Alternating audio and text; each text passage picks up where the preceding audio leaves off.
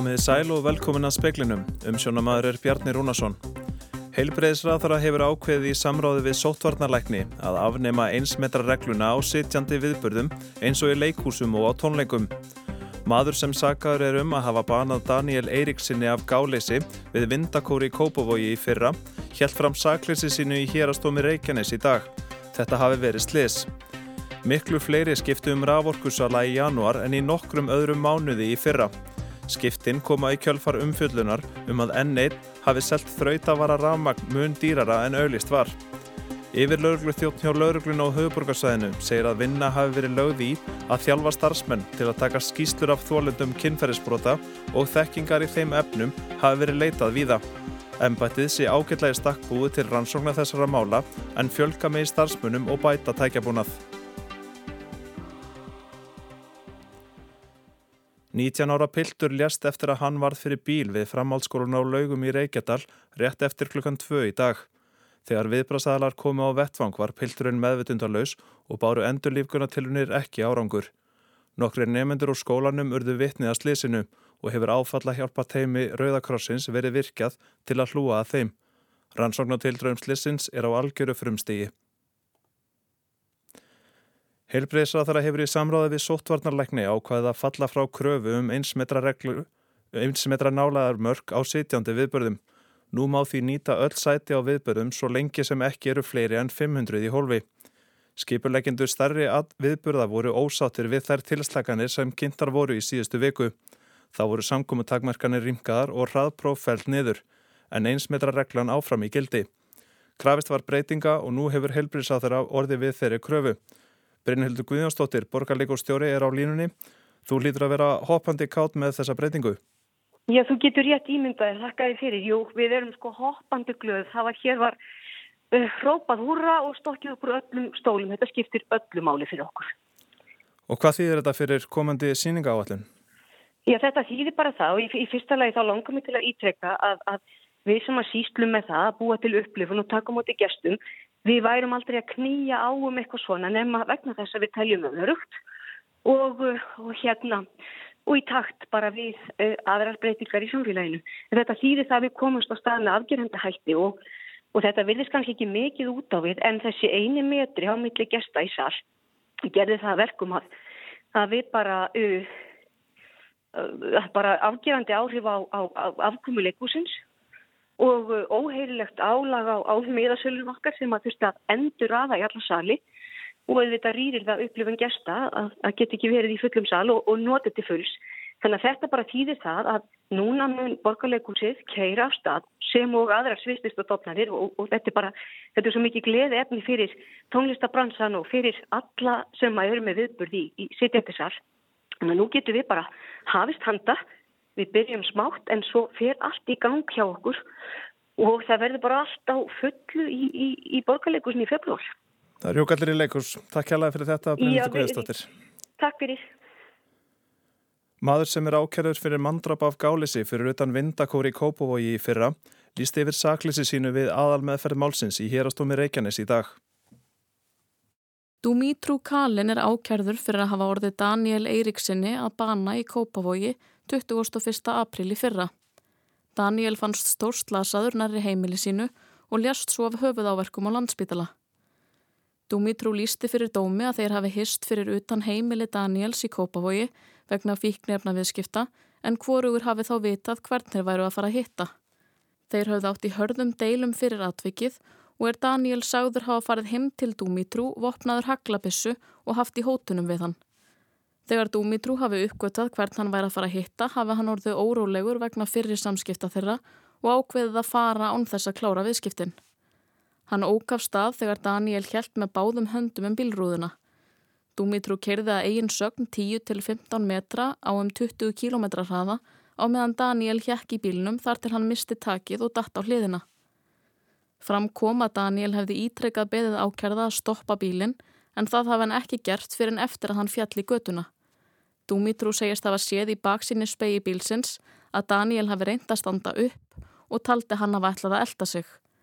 Dumitru segir hann hafi aldrei grunað að brota þóli væri slasaður og ekki hafi sérst á honum neynir áverkar. Ólef Rún Erlendstóttir saði frá. Allt síðasta ár skiptunari 5.200 um raforkusala en 3.902 tilkynntu skipti fyrsta mánuð þessa árs. Þetta gerist í kjölfar umfyllunar um að N1 rafmagn hafi selt þraut að vara rafmagn á herra verði en því sem þeir hafa auðlist. Umfjöllunin um að N1 seldi þrauta viðskiptavinum rafmagn á mun herra verði en því sem var auglist var þá endanum til þess að N1 sendi frá sér yfirlýsingu og baðst afsökunar á að hafa ekki brugðist fyrir við aðtugasömdum um hátt verð til þeirra sem fluttust sjálfkrafa til þeirra í gegnum þrautavara leið. Fyrirtæki tilkynnti jafnframt að það ætlaði að endur greiða mismunin á uppgefnum taksta og þrautavara taksta frá 1. november síðastlinum. Breki Karlsson er formaður neytendasamtakana. Já, neytendasamtökin telja að, að einsýnt að fyrirtæki eigi að endurgreiða öllum alla oftöku en ekki bara einungis aftur til fyrsta nógumber eins og þeir hafa sagst ætla að gera. Breki fagnar því að svo margir taki meðvitaða ákvörðunum raforkusala. Á síðasta ári völdu á milli 3-400 meðvitað orkusala mánuði en um 1000 gerðu það ekki. Það er náttúrulega fagnar efni að, að, að eh, það, fólk sé átt að sjá að því að það geti skipt um raforkusala. Saði Breki Karlsson, Hjördis Rutt Sigurðansdóttir talaði við hann. Því er við að fagnað í Fraklandi í dag að slakað hefur verið á takmörkunum sem greipið var til vegna COVID-faraldusins. Stemt er að því að aflita öllum takmörkunum í Sviss um miðjan mánuðin.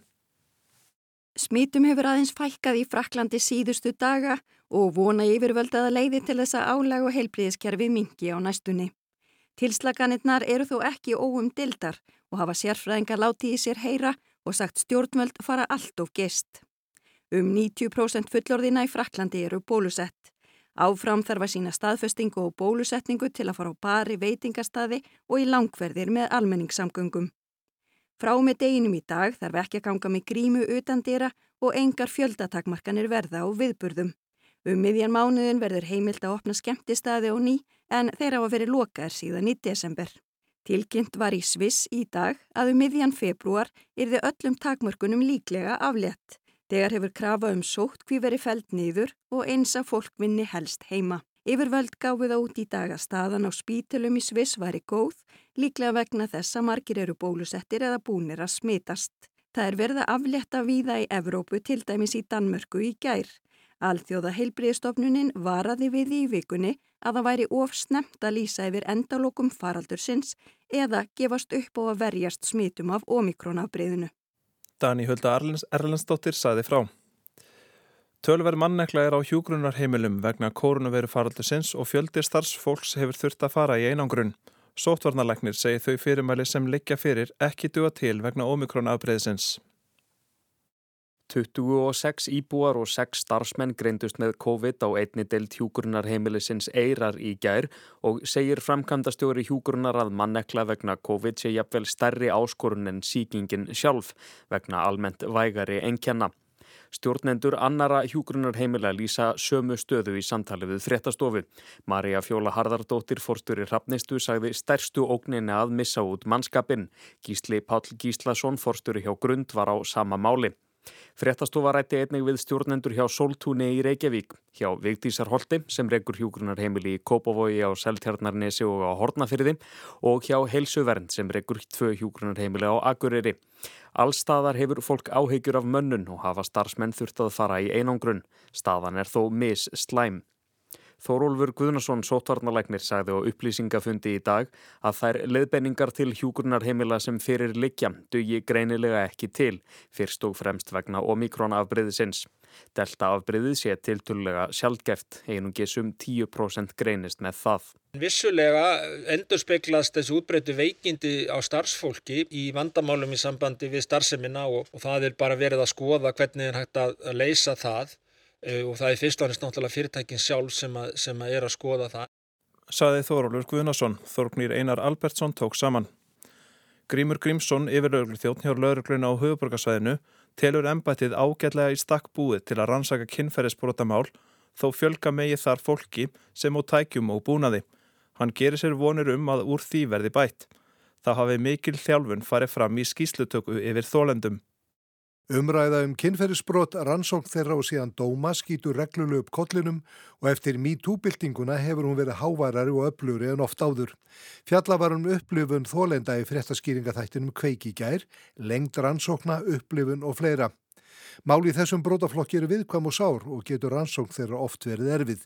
Grímur Grímsson yfir lauruglu þjóttnjá laurugluna á höfuborgarsvæðinu segir ennbættið vel í stakk búið til slíkara rannsókna. Ég vil meina við séum ágætlega í stakk búin til þess. Við erum með sérstakar deildi í þessu og, og, og það er í rannsóknum og eins og, eins og framhjóðu koma þá eru við í það, eru fleiri heldur en bara rannsakandur sem koma að þessu. Það eru þetta ákjærandur og það eru starfsmenn ennbættis, þjónustu sviði og í, í tæknideildum og tölvuransónadeildum.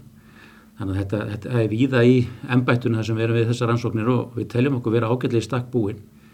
Við erum með gott fólk sem kandi verka en við myndum vilja hafa fleiri hendur og á, á, svo myndum við líka kannski vilja nefna það við myndum líka vilja hafa kannski möguleika og, á, á tólum og tækjum sem við hefum ekki haft efna að kaupa. Er ykkur vontið þess að það sé að rætast úr hvað þetta varðar? Já það er í stjórnarsáttmála ríkistjórnarinnar gert ráð fyrir uh, uh, það verði sett settir peningar í þetta, þennan málflokk og ég ger, við kynna það, ég gerir mig vonur um það að það verði að við fáum eitthvað part af því. Þannig að það er, jú, það er von Einn breyting sem orðið hefur á rannsókn þessara mála er að hún kallar á öflun rafrætna gagna. Með stafrætni byltingu, tölvum, farsímum og snjálsímum og slíkum líka gögn hér og þar og þau þarf að sækja.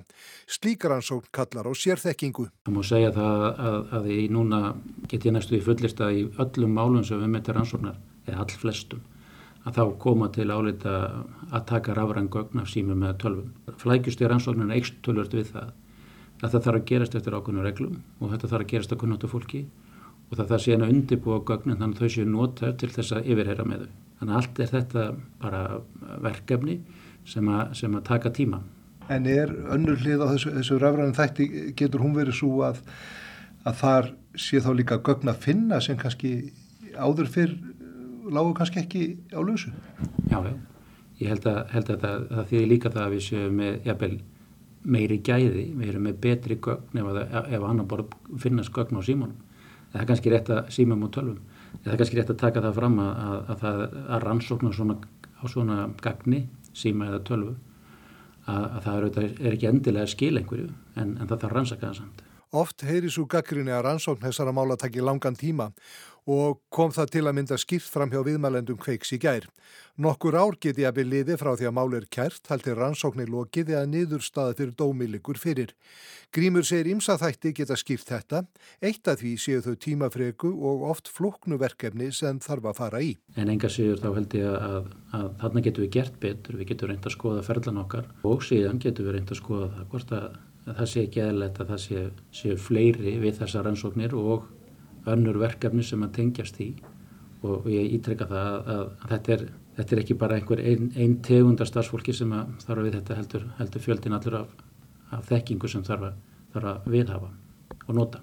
Það eru eðlimálsins samkvæmt þung og erfið spór fyrir þólendur í kynferðisbrótamálum að kæra til lauruglu og mörg dæmi um að viðkomandi tristi sér ekki til þess. Skýrslutöku hefur oft verið líst sem mjög erfiðri. E hefur orðið eitthvað þróun í tækni eða, eða að, skýrslutöku aðferðum? Já, það hefur verið það og við höfum leitað okkur, leitað eftir samfunnu við, við ellenda sérfræðinga á þessu sviði auk þess að við eigum orðið sérfræðing á þessu sviði og það, það, er, það hefur farið, farið fram mikil þjálfun starfsfólks á þessu sviði. En, en ég vil nefna það hér að, að við gerum þólandakannanir reglulega hér og það er nú starrendin svo að 75% af þeim sem svara okkur að þau eru ánað með, með viðmótu og hvernig, hvernig gengur hér. Þannig að ég held að við séum kannski ekkit endilega á vondum stað hvað það varðar vegna þess að auðvitað er þetta þannig að fólk sem kemur hér til að leggja fram kæru, það er kannski má segja undir einhverjum kringumstæðum á vestastæða lífsins að, að koma hingað og tala um þetta. Þannig að það er erfitt og, og við höfum reynd það og ég tel að við séum á nokkuð góðum stað með það að, að taka mútið fólki, til dæmis ég sér hafðu e, brotaþóla herbyggi og, og gerum það mikillir fagmennsku að tala við fólk og höfum, höfum, höfum þjálfað fólki í það. Sumir þólendur hafa sagt að þeir hafi upplifað skýrslutöku þannig að þeim sé ekki trúað. Grímu segist vona að það sé ekki upplifun kærenda og hann sé sannfarður um að engin starfsmann ennbættisins sem sjáum yfirheslur taki þannig á málum. Vandin við rannsókn og sönnunafæslur sé að oft séu þetta orð gegn orði og jafnvel ekki öðrum gögnum til að dreifa. Mikilvægt sé að gera sig grein fyrir því að þótt ekki hafi tekist að sanna að eitthvað hafi gerst, þýði það ekki að það hafi ekki gerst. Erfið sönnunabyrði sé stundum í þessum málaflokki, til dæmis í samanbyrði við auðgunabrót þar sem oft með finna slóð sönnunargagna. Það var það þannig að við erum í nútímanum með tölversta gögnum í samskiptasögu fólk sem er ekki öll bara persóna í persónu heldur þessu augliti til auglitis heldur einni í, í, raf, í rafrænum miðlum. Þannig að það er stundum einhvers slóð sem hægt er að sækja. Og það skiptir líka máli í, í þessum alvarlegu brotum sem kynferðsbrot eru. Það er hvað viðkomandi hefur kannski talað um strax eftir brotið. Þannig að það er orðin vittnisspörður í um það. Og svo er náttúrulega kunnáttu fólk sem hefur tekið viðtölu viðkomandi og við sækjum vottur til þeirra Að sögn Gríms hefur mikil umræða um kynferðsbrótamál, MeToo-byltingin og svo áhersla þólenda að skila skömminni, það í förmið sér að málum sem berast til lauruglu fjölgar. Um áramótin 2017-18 í kjölfar erlendra kynferðisbrótamála sem hengur mikla um fjöllun hafa orðið mikil fjölgun mála hjá lauruglun á höfuborgarsvæðinu og hefur sá málafjöldi haldist nokkuð stöðugur síðan. Annað sem þólendur kvarta undan er að þeir eru ekki aðíli máls þar sem eftir að kæra hefur lögð fram er máliði höndum lauruglum, síðan ákjöruvals og loks stómstóla. Þessi umræða hefur verið núna til staðar í nokkur ár og, og ég get alveg tekið undir það að, að mætti vel skoða það hvernig við hefum að finna leiðina því að brota þólar hafi meiri áhrif eða sem við viljum kalla aðild að málum. Um, ég vil benda á það að það er í þessu málaflokki eru réttagjastlumenn sem að brótaþólar fá sér til aðstofar og það má veltaði fyrir sig hvort að það mætti auka aðild brótaþóla í gegnum réttagjastlumennina. Þetta er auðvitað eitthvað sem maður getur bara haft skoðun á. Við vinnum náttúrulega bara eftir lögunum sem fyrir, fyrir okkur eru lögð og, og tökum því sem þar er en, en, en En, en svona bara ef maður veltir vöngum yfir þá, þá gæti ég ímynda mér að það væri kannski til að byrja með heppilegasta legin að nota réttagjastlumannin að hann hefði þá aðild eh, sem fengi aðganga gögnum að meira til samræmis við það sem að verjandur fá. Saði Grímur Grímsson.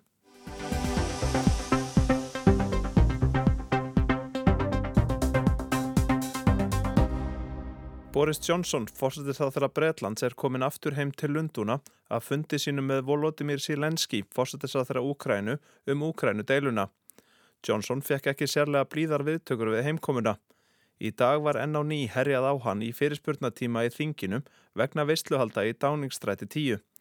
Partygate málið, sem svo er kallað, heldur áfram að gera fórsetið þá þeirra lífið leitt. Þótt þetta mál hafi búrið á góma í fyrirspurnatímanum spurðist þingmenn einnig fyrir um hefbundnari mál eins og skatta, bólusetningar og ástandið í Ukrænu. Eins og ofta áður var Úlfa Þittur þegar Sir Lindsay Hoyle, fórsetir neðri málstofu Breska Þingsins, hóf fyrirspurnatíma þingmanna til fórsetisæðra. I know feelings run high on important issues we discuss, but there are plenty of ways of making strong feelings felt within the rules and without placing the chair... Bráðabirðar niðurstanna Súgrei skýslunar svokölluðum var beðið með mikilli eftirvæntingu. Súgrei er síðamistari breskra stjórnvalda. Í vikunum var bráðabirðar niðurstanan kent. Upphaflega var Súgrei falið að rannsaka tvo viðburði, en þeir eru nú orðnir 16 og voru allir á tímum strángra sóttvarnaðagerða. Þegar byrtar voru myndir úr Garðveslu 15. mæ 2020 fór boltin að rúla. Hveði hóf, ammælisvesla fyrir fórsættisaþarann og jólavesla eru meðal viðburuna 16 og í skýslunni kemur fram að Breskar lauriklan hafi 12 af þeim til skoðunar. Helstu niðurstöðu skýslunar eru að vestluhöldin hafi ekki verið við hæfi, draga þurfi lærdom af þessum atbyrðum og bregða strax við. Í sumum tilfellum hafi vestluhöldin verið alvarleg glappaskott. Loka skýslan verður ekki klárið fyrir en lauruglan hefur lokið sinni rannsókn. Það geti tekið tíman sinn, alltaf eitt ár. Í dag sagði þingmaður íhaldsflokksins Tobias Elwood að hann hefðist leggja fram vantraust tilluga á fórsetisræðurann til svo kallar 1922 nefndar í Breska þinginu. Sú nefnd er áhrifa mikil innan íhaldsflokksins. Í henni sitja almennir þingmenn, svo kallar backbenchers. Elwood bætist í hóp þingmanna Breska íhaldsflokksins sem hvetja Johnson til að segja af sér. Slík krafa þarf að koma frá 54 þingmönum flokksins til að greita verði atkvæði um framtíð fórsættisáþarars. Undarfarnar daga hafa nokkri þingmenn íhalsflokksins tilkynnt að þeir standi ekki lengur með fórsættisáþararnum. Elvud var hverki sjámanlegur í þingsalunum í dag og ekki heldur Rísi Súna, fjármálar á þeirra Breitlands. Johnson varði stjórn sína með því að tala um efnahagsbata landsins í faraldrinum. Hann skaut á verkamannaflokkin og fekk skot tilbaka frá Kýr Starmer leiðtóa hans. The most important thing that we are doing is helping people into work. 500,000 people off welfare into work under our way to work scheme. More people, more people in work now than before the pandemic began, and that is the record of this government. Labour, never forget, Mr. Speaker, there's never been a Labour government that left office with unemployment lower than when they entered.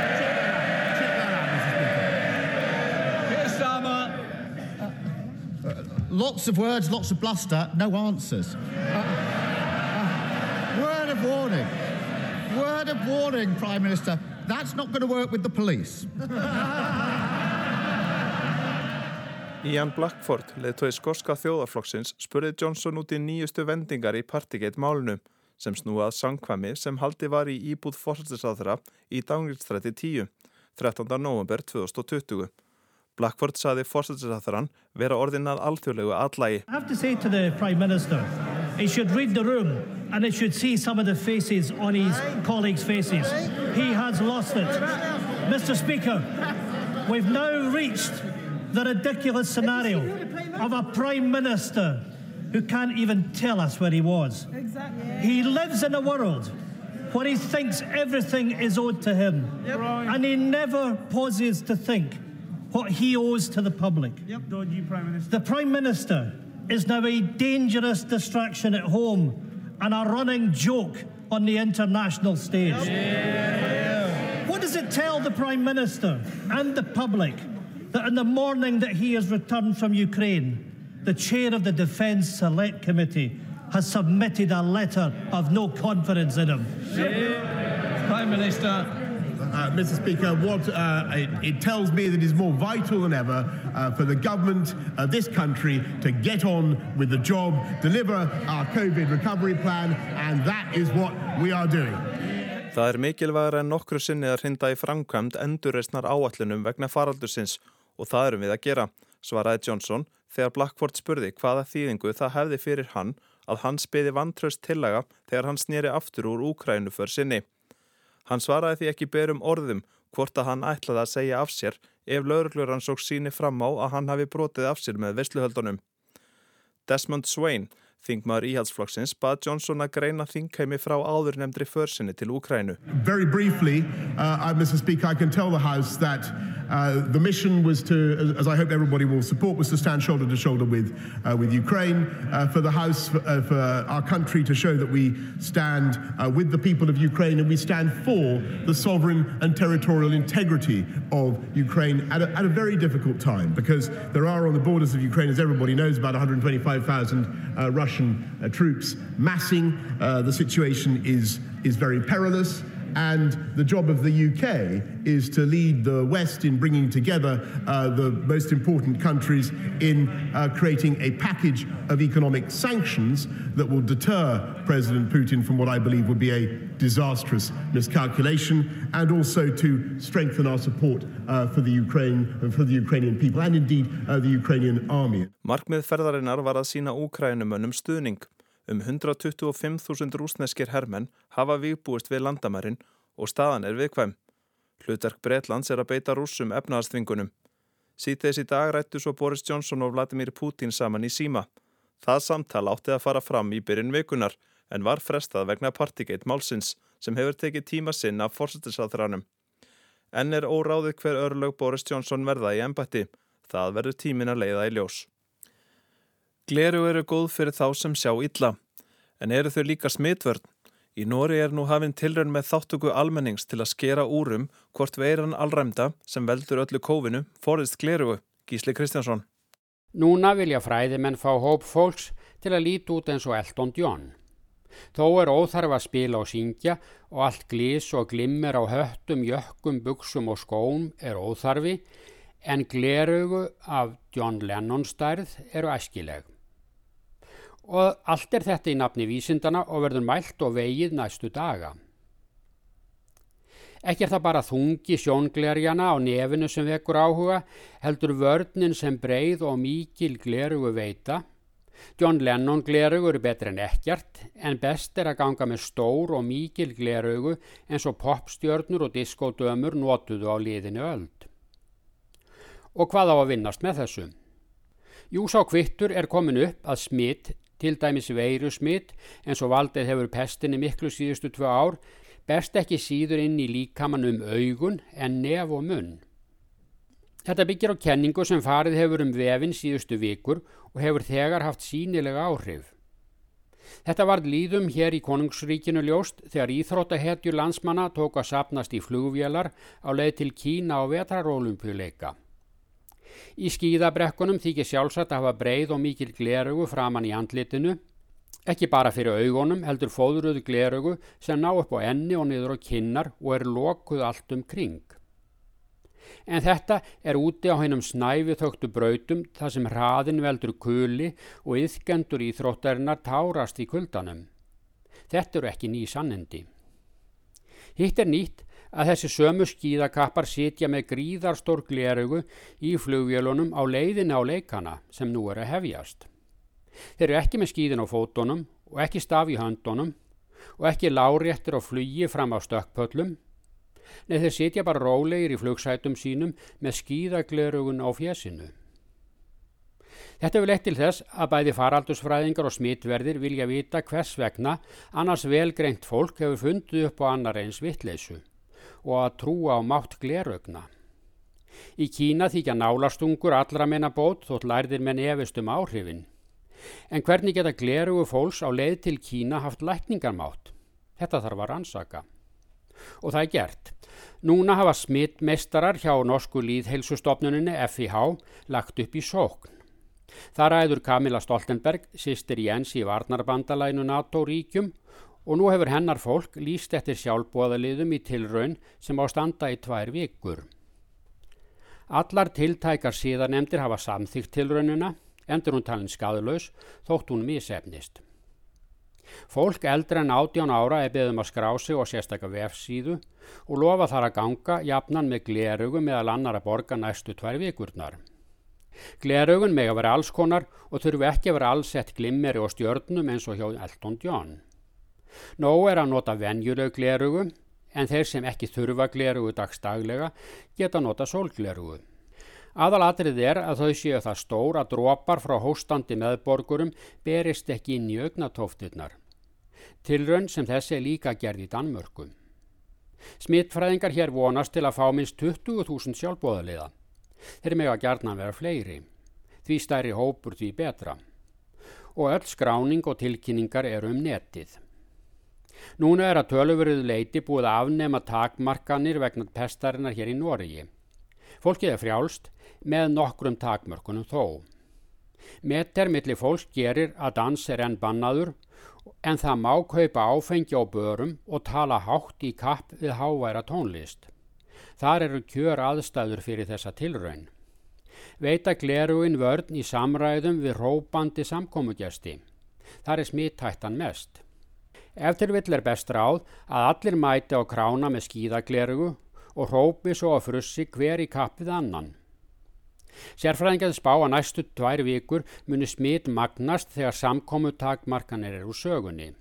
Toppnum er ekki náð, segja þeir. Nú á bara láta smittið ganga í samfélaginu.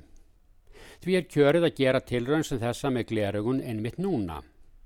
Eru þeir sem nota glerugu, helst stór glerugu, í minni smittættu en glerugnalösa fólkið. Að tveimur vikum liðnum ætti að leikja fyrir hvort þetta er oftrú að varnarmátt glerugna eða hvort glerugu draga úr líkum og smiti. Ef þúsundir manna eru með í tilrauninni ætti það að gefa góða vísbendingu í samanbyrðið þá sem ekki nota glerugu. Vester ef allir landsmenn grafa nú fram gömlu skíðaglerugun og engin er til samanburðar við glerugna glámana. Það var ekki fleira í speklinum í kvöld. Tæknum aðri útsendingu var Magnús Þorstedt Magnússon. Verðið sæl.